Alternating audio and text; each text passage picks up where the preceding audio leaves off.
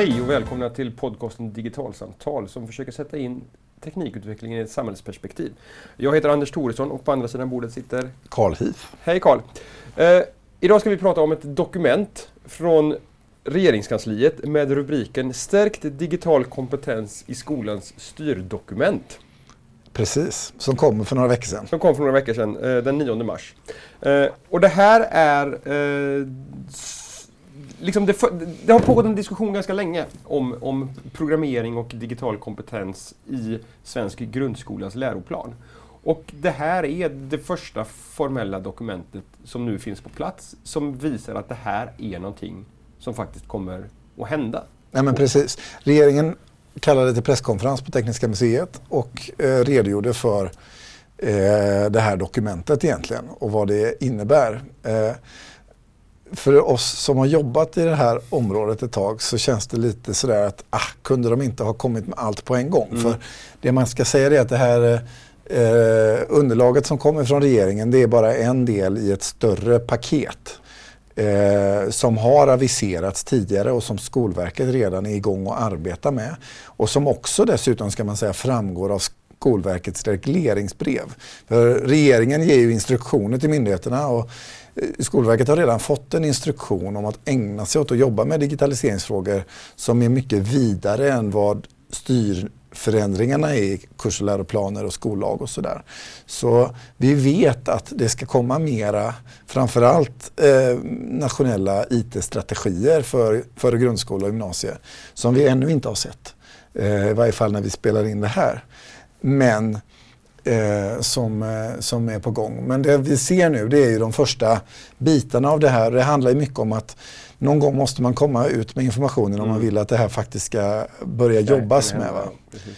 Eh, jag, jag, tänker så här att det är som sagt det är ett ganska kort dokument. Det är ett, en A4-sida och sen tre stycken sidor till som är det som de kallar för bilagan.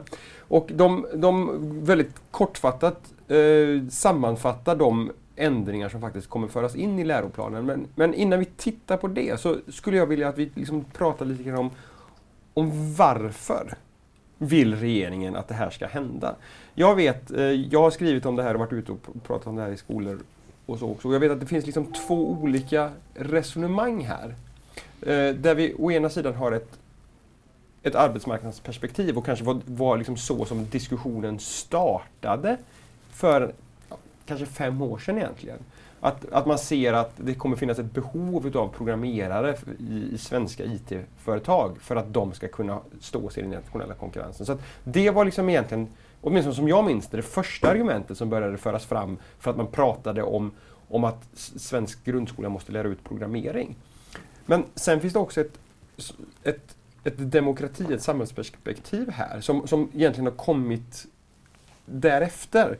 Där man inser liksom att, att datorer är inte längre bara en apparat med en skärm och ett tangentbord som står på ett skrivbord. Utan datorer finns på så många andra platser och påverkar samhället och oss som medborgare på så otroligt många olika sätt. Så det finns därför också en... Ett, det går därför att argumentera för att vi behöver inte bara kunna programmera för att bli goda anställningsbara medborgare utan för att också kunna existera och navigera i en demokrati. Finns båda de här resonemangen fortfarande med? Ja, det kan man väl säga att det kortfattade svaret är. Eh, man beskriver, än så länge det regeringen har sagt, det är ju egentligen bara det man ser i, i eh, i det här dokumentet och det tillhörande presskonferensmaterialet. Mm. Men i det sammanhanget så beskriver man båda de här perspektiven. Man beskriver liksom samhällets förändring avseende arbetsmarknaden. Att eh, vi, eh, om vi har ett utbildningssystem som vi finansierar med skattemedel eh, så behöver ju det här utbildningssystemet kunna så att säga, producera kunskap som är i, i paritet till det, liksom själva arbetsmarknaden som samhället har. Eh, och där vi kan se att arbetsmarknadens förändringar är ganska kraftiga mm. och har varit över en 15-årsperiod tillbaka, 15 tillbaka i tiden. Men framåt så eh, förefaller det rimligt att tro att vi kommer stå inför ännu större förändringar i arbetsmarknaden där, där eh, tidigare yrkeskategorier helt upphör och andra tillkommer. Jag, menar, jag läste till exempel för inte så länge sedan att 20, år 2000 fanns det mellan 600 och 700 traders på Wall Streets golv. Idag är de under 10. Och, och tittar man på ett finansbolag som Goldman Sachs så är idag en tredjedel av deras anställda har IT eller programmerarbakgrund. Mm. Eh, så helt plötsligt ska du jobba i finansindustrin, ja, då kanske du är en, en, en kodare. Eh, radiologer, radiologiutbildningen eh, står inför stora förändringar för man vet att artificiell intelligens löser den uppgiften bättre än vad en människa med ögat kan tolka många bilder och därför borde hela det yrket kanske modelleras om. Eh, och det här sker ju liksom på bransch efter bransch. Och den liksom Eh, hastigheten, den ser man också hos regeringen och ser att nej, men här behöver vi förstärka kompetensen hos alla eh, för att möta arbetsmarknaden. Men de är i någon mening, vågar jag nog påstå, mer angelägna om samhällsperspektivet och egentligen då bildningsfrågan. Att ska jag kunna vara en aktiv medborgare i ett digitaliserat samhälle så behöver jag kunna hantera och förstå och leva och verka i det samhället. Och det kan vara allt ifrån att kunna vara liksom källkritiskt granskande i ett digitalt sammanhang till att vara kompetent nog att kunna använda e-legitimation. Eh, till att kunna eh, förstå en digital handläggningsprocess hos en myndighet eller vad det nu kan vara för någonting som eh, är en alldeles vardaglig del av att vara människa i, i ett digitalt samhälle. Och, så de, de pekar på att liksom, det finns en mängd olika saker man måste lära sig. Och sammantaget alla de sakerna de kommer vara viktiga för en både om man jobbar i ett framväxande samhälle och när man uttrycker sig själv liksom som medborgare i samhället. Men här låter delvis, I förra avsnittet så pratade vi om en rapport från MSB som, som, som tittade på utmaningar för, för svensk media och, och tilltron till svensk media bland annat. Som, som också är inne och tangerar lite grann de här frågorna som du tar upp nu. Ja, äh, ja men absolut. Va? Och, och, här alltså, går man in och tittar på liksom, vad är det för förslag som de faktiskt pratar om. Vad är det man ska göra då? Så är det ju ganska stora förändringar mm. i vissa avseenden. Eh, dels så finns det ju då för oss skollagsnördar eh, de så kallade kapitel 1 och 2 som är liksom allmänna, generella kapitel. Eh, och här pratar man om ändringar i, alltså det som är skolans själva uppdrag. Okay. Och det får man ändå säga är en ganska stor ändring. Och där pratar man då om att till exempel att lägga in eh, en ny, ny lydelse som helt enkelt är att skolan ska bidra till att eleverna utvecklar förståelse för hur digitaliseringen påverkar individen och samhällets utveckling. Alla elever ska ges möjlighet att utveckla sin förmåga att använda digital teknik. De ska också ges möjlighet att utveckla ett kritiskt och ansvarsfullt förhållningssätt till digital teknik för att kunna se möjligheter och förstå risker samt för att kunna värdera information. Och det där är ju en ganska så stark formulering får man ändå säga. Alltså, ja, om jag liksom bara ställer den till mig själv, liksom, anser jag att jag är kompetent i ljuset av detta? Ja, det är ju på gränsen alltså i vissa avseenden. Så det här är ju liksom inte lätt. Eh, man ändrade också normer och värden som är liksom också liksom skolans kärnuppdrag. Och man pratade om att alla som arbetar i skolan ska i arbetet med normer och värden uppmärksamma både de möjligheter och risker som en ökande digitalisering medför. Här pratar man om all personal. Eh, alla ska eh, i skolans arbete. Och sen ökar man på skolbibliotekets roll och det tycker jag är väldigt välkommet. Där man pekar på att det ska användas som en del i undervisningen för att stärka elevernas språkliga förmåga och digitala kompetens. Så man, liksom, i de grundläggande generella styckena eh, pekar på ja, men hur viktigt den här frågan är. Framförallt då ur samhällsperspektivet. Ja, jag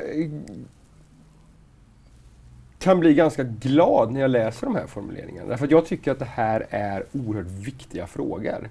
Som det är viktigt att, att liksom barn och ungdomar får med sig in i vuxenlivet. Det, det jag funderar på och, och kan känna liksom en, en oro inför, det är hur ska det gå till? Ja, absolut. Nej, alltså, och det här är bara början om man ska spä på din oro lite grann. Så ska vi säga då att vad man skriver också är att De här nya ändringarna de träder i kraft så att de ska verka ifrån höstterminen 2018. Det är drygt år. Ett drygt år. Man får börja med det här redan hösten 2017. Just. Eh, det är himla bussigt. Eh, så det här är ju liksom nytt stoff innehållsligt som lärare och skolan som system ska härbärgera och kunna verka med god effekt på i alla skolor i Sverige om ett drygt år. Och vad är det då för innehåll vi pratar om? Ja, det är ju massor av olika ändringar då. Vi pratar om ändringar i matematiken och tekniken. I matten så inför man programmering från årskurs 1 i grundskolan. Eh, och vad man menar med det i årskurs 1 till 6 det är saker som att kunna förstå stegvisa instruktioner, eh, kunna beskriva och följa som grund för programmering. Man ska kunna jobba med så att säga, blockprogrammering till exempel. Sen från årskurs 7 då ska man kunna prata om eh, hur algoritmer skapas, testas och förbättras i programmering för matematisk problemlösning. Det är en ganska ny grej för en mm. årskurs 7-mattelärare mm. att ägna sig åt.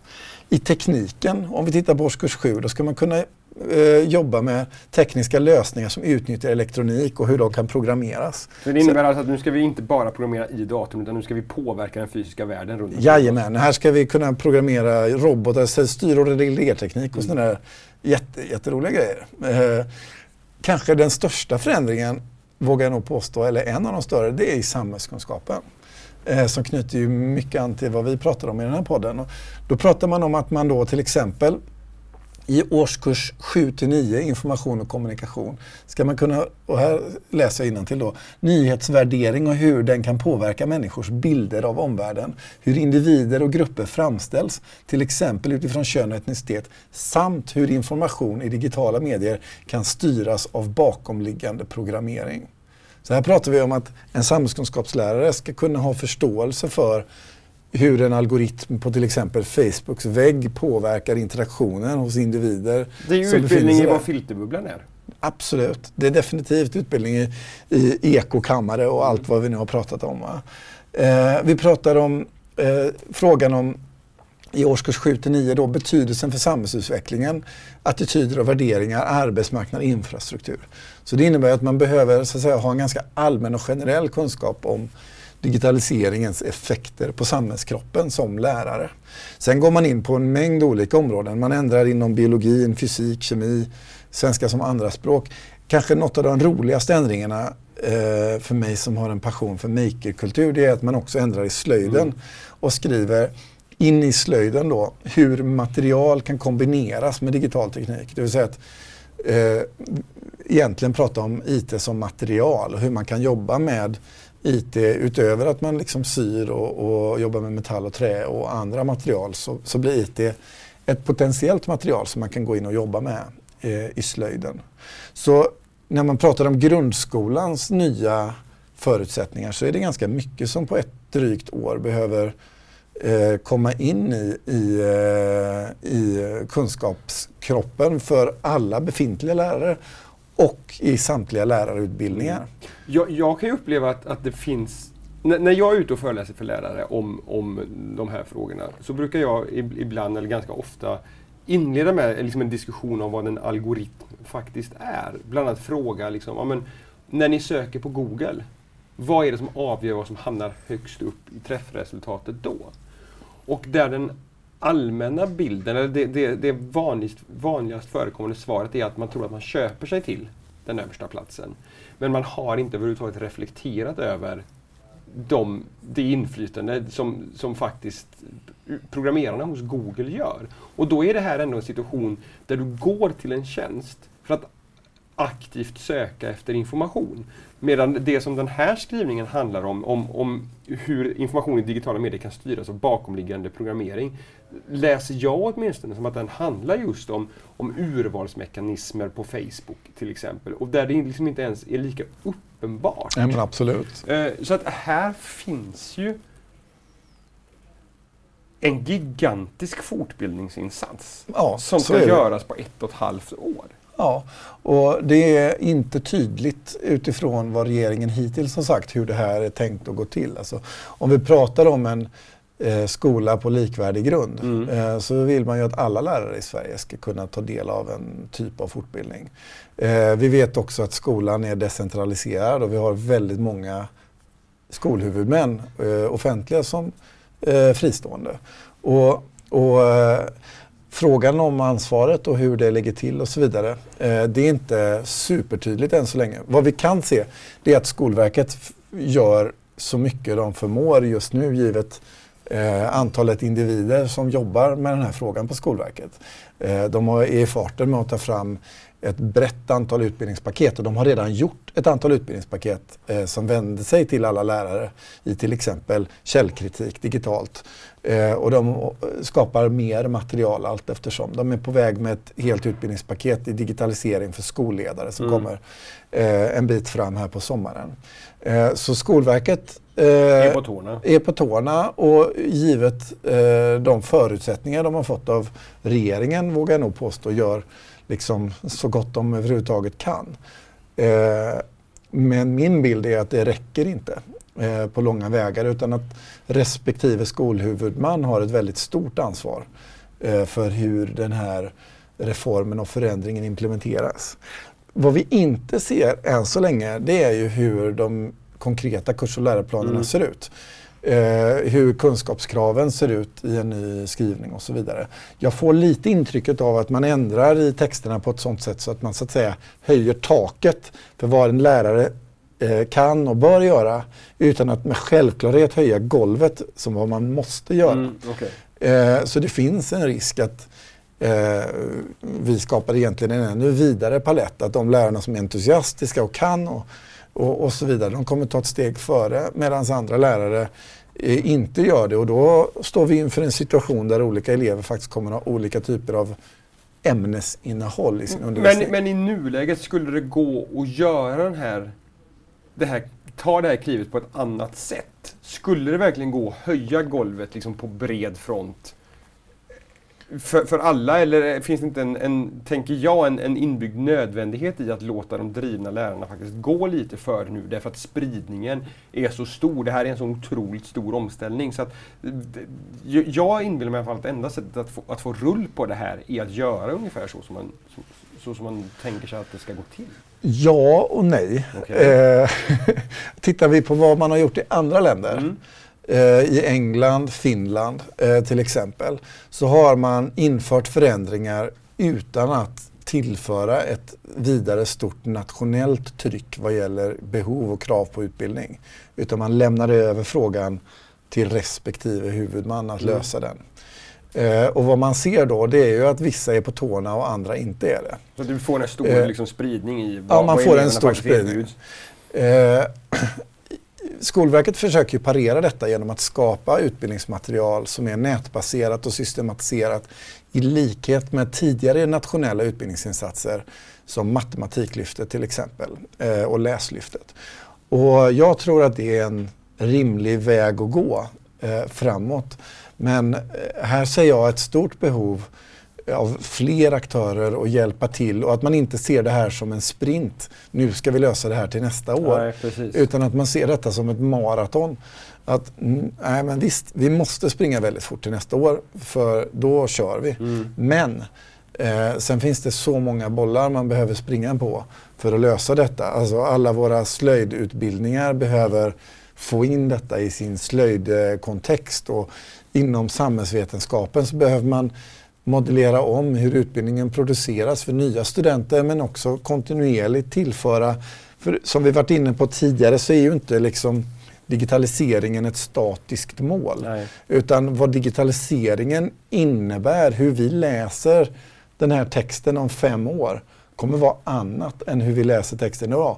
För fem år sedan så förhöll vi oss inte till Facebook på det sätt vi förhåller oss till Facebook idag. Nej. Och konsekvenserna där innebär ju att det här inte är någonting som är en tillfällig insats där man lyfter lärare lite snabbt en höst och så anser vi att vi har löst frågan om digitaliseringens kompetensutveckling utan det här är någonting som kräver en kontinuerlig relation till fortbildning för lärare. Och det är en helt annan typ av lärarutbildning som vi kanske inte riktigt tänker om på samma sätt. Va? Okay. Som som hela utbildningsproduktionen är designad för lärare så funkar det ju lite grann så att den är ju också designad för en industriell tid. Mm. Om man tänker sig det att liksom industrisamhället var ganska långsamma processer i relation till nu. Man kunde mycket väl tänka sig att vi utbildar en människa i fem år i början av deras karriär. Och sen så jobbar de i 45 år och så går de i pension sen. Och sen kanske de har liksom någon liten strödag här eller där med lite nytt innehåll. Då, eh, och mycket är det så en lärare fortbildar sig idag. Att man börjar och har en gedigen eh, högskoleutbildning i början. Sen så börjar man jobba och när man väl är i arbete, ja, då erbjuds man antingen olika typer av strategiska insatser i relation till högskolan som oftast, om man raljerar lite, är byggd på hur en högskola tillhandahåller undervisning och inte hur en lärare nödvändigtvis ska ta till sig den i en utbildningskontext. Alternativt så är det staten som erbjuder ett lyft. De heter ju så som att lärarna ligger ner och måste lyftas upp för att de behöver något nytt. Och de är oftast av tillfällig projektorienterad karaktär med väldigt bristande långsiktighet och bristande uppföljning. Eller så är det eh, skolhuvudmannen själv som tillhandahåller undervisning eller utbildning och då sker det oftast under korta dagar. Den allra största fortbildningen för lärare den syns ju inte överhuvudtaget och det är den lärarna själva gör i utvecklingen av sin egen profession där man läser och förkovrar sig och delar kunskap med kollegor och eh, vad det nu kan vara för någonting. Va? Men vi behöver hitta sätt att, så att säga, jobba på alla de här spelplanerna och helst så att säga, fundera över om det faktiskt inte går att designa om systemet i grunden för att göra det möjligt för alla lärare att kunna ta del av fortbildning mer och kan man säga, mer grannlaga över längre tid men kanske över mindre intensiva perioder. Mm. Så att de kan jobba och studera i någon mening samtidigt. Jag tänker att det finns en annan utmaning här också. Jag, jag har haft, alltså som du säger, det här, det här, med att lära barn och ungdomar att programmera, det är ju inte på något sätt en svensk idé utan det här är ju liksom verkligen en del av en internationell liksom, flodvåg som, som väller fram liksom, i utbildningssystemet just nu. Och liksom, den här liksom, trenden, jag, jag, vill inte använda trend egentligen därför jag ser det inte som en trend utan liksom den här utvecklingen har ju också drivit på en, en uppsjö utav prylar, utav robotar, utav, utav små liksom, elektronikkit, allt möjligt som ska, ska liksom vara de här verktygen som används för att barn ska lära sig programmera. Och jag har många olika uppdragsgivare som, har, som jag har och deras vägnar testat de här sakerna ihop med mina barn. Och, eh, liksom robotar, olika programmeringsverktyg av olika slag. Och så där. Och det, det jag slås utav är ju att, att det, det dyker upp så otroligt många den här typen av verktyg på marknaden just nu. Till ganska höga kostnader. Och många gånger ganska bristfälliga i sitt utförande. Det kan vara liksom väldigt avancerad hårdvara men när, mjukvaran är jättedålig eller det är dålig dokumentation och så här. Jag, jag, tänker mig att det kommer vara en jättestor utmaning för svensk skola också att, att faktiskt liksom hitta de konkreta faktiska verktygen som man ska sätta sig ner och använda tillsammans med eleverna i klassrummet. Ja, alltså det här är ju lite grann som att uppfinna ett nytt område i skolan. Mm. Eh, det är som att vi liksom helt plötsligt inte har hållit på med fysiklaborationer och sen ska vi hitta på alla fysiklaborationer. Och här har vi liksom ett moment 22 i skolan. För i skollagen står det att skolan ska vila på forskning och beprövad erfarenhet. Och sen bestämmer vi oss för att ändra i skollagen och införa helt nytt innehåll som ju inte rimligen kan bygga på forskning och beprövad erfarenhet eftersom vi aldrig någonsin har på med det i skolan innan. Så bara genom att börja på det här sättet så har vi skapat oss en liksom total konflikt med oss själva i, juridisk mening. Eh, och att då hitta de här best practices och möjligheterna, det är en svår, det är en svår utmaning och det kommer ta tid för många. Eh, jag själv har ju varit inblandad i ett projekt nu under snart tre års tid som heter Makerskola. Mm. Eh, som väldigt mycket har eh, haft för ambition att vara en testbädd för precis de här frågorna. Och pröva olika material, metoder, verktyg, vara inne i klassrum där man testar skarpt med lärare och elever för att utforska vad är möjligheterna och begränsningarna med ett visst material eller pedagogik eller vad det nu kan vara för någonting. Eh, och vi kan ju se det från det projektet att det här är ju, precis som du är inne på, alltså det är inte, det är inte särskilt lätt för det här är ju någonting som man inte har gjort innan som lärare. Utan helt plötsligt så ska man värdera nya typer av material eller produkter. Eller om jag ska lära mina elever att programmera i årskurs 7, liksom, vilken plattform och arena är det som gäller just nu? Eh, hur vet jag att den, eh, om jag investerar massa tid i det, kommer det funka om tre år eller inte? Och, de här frågorna är verkligen inte eh, små utan kräver eh, någonting av alla skolhuvudmän som ger sig in i de här frågorna. Eh, och vi kommer se fler sådana här utmaningar i områden som vi liksom inte hittills har riktigt varit inne på. Eh, det kan ju handla om allt ifrån liksom, hur designar man en slöjdsal i ljuset av den nya kursläroplanen? Eh, hur ser det ut? Mm. När man ställer ett större krav på eh, digitala processer Ja, vad innebär det för kommunikationen i en skola eller i en förvaltning? Ska man börja jobba liksom digitalt i andra avseenden än vad man kanske har gjort innan? Där man har kanske sett det som en IT-administrativ fråga eller IT-pedagogisk fråga men kanske inte alla gånger utifrån ett ledningsperspektiv. Och så, så det, det, skapas väldigt mycket nytt och det vi har sett från regeringen nu med det som kom den 9 mars det är egentligen bara början på någonting som kommer bli antagligen en ganska så lång och komplex resa för väldigt många att genomföra. Men vissa av de här sakerna som, som finns med i det här styrdokumentet, där är det liksom helt uppenbart att skolan behöver börja jobba liksom med liksom, någonting helt nytt.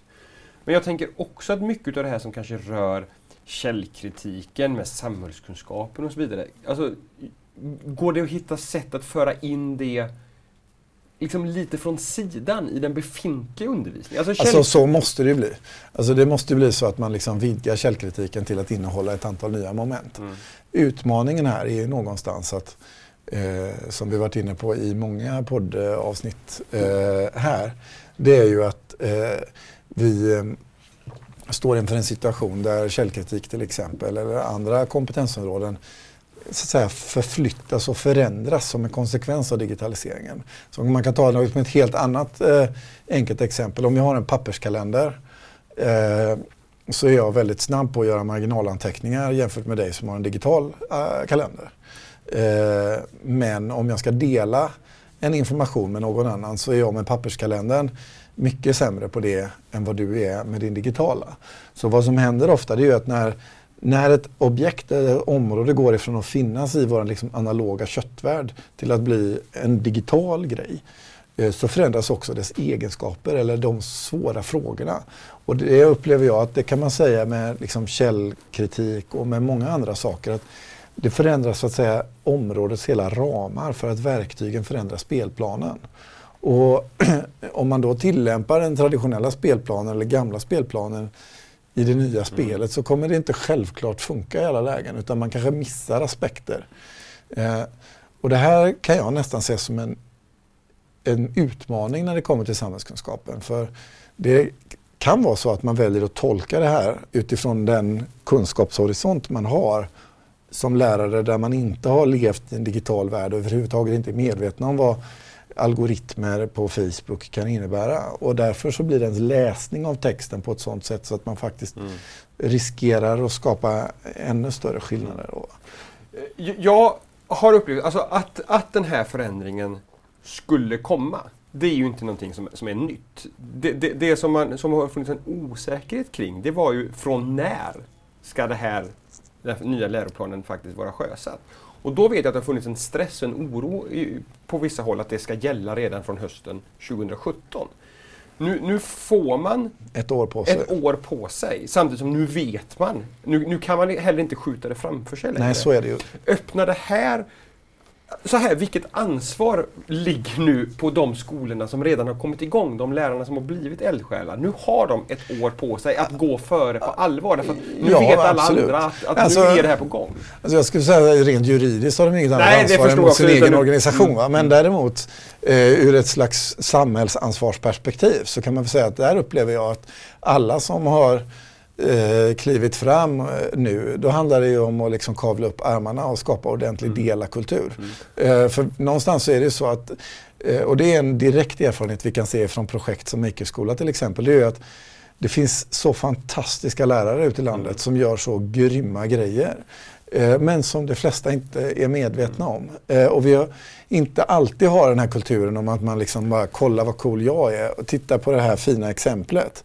Men i de fallen som man vågar faktiskt öppna upp sin verksamhet och dela med andra så är det så många som har så stor behållning av det. Jag, jag känner att det blir fel. Jag menar inte ansvar liksom, så, utan det är snarare som en möjlighet här. Därför att nu vet man att nu har vi ett år på oss. Nej, sen, sen på det sättet så verkligen. Nej men det är ju, nu är ju kniven på strupen mm. för skolhuvudmännen. Mm. Nu är det dags och nu ser man att nu börjar tåget åka. Mm. Eh, det kommer rulla lite sakta i ett år och sen så är det dags att köra på. Mm. Och då får vi göra någonting helt enkelt. Vi vet att många av er som lyssnar på digitalsamtal är lärare och det här är någonting som vi kommer fortsätta prata om i kommande avsnitt. Absolut. Fram till augusti igen. 2018 där vi ser hur det faktiskt landar. Men med det så tror jag vi tar och rundar av diskussionen för idag. Eh, tack till er som har lyssnat. Jag och Karl finns i Facebookgruppen Digital samhällskunskap. Det går också att nå oss på e-post via podcast.digitalsamtal.se. På Twitter heter vi digitalsamtal. Och vi har en Facebook-sida som heter Digitalsamtal. Eh, vi vädjar ödmjukast om eh, en recension och ett högt betyg på iTunes. Förutsatt att du tycker att vi är värda det. För att då kommer fler hitta till podden och eh, våra diskussioner kommer nå fler som förhoppningsvis är berörda och har glädje av att lyssna på oss och våra gäster. Men med det, tack för idag. Tack så mycket. Hej!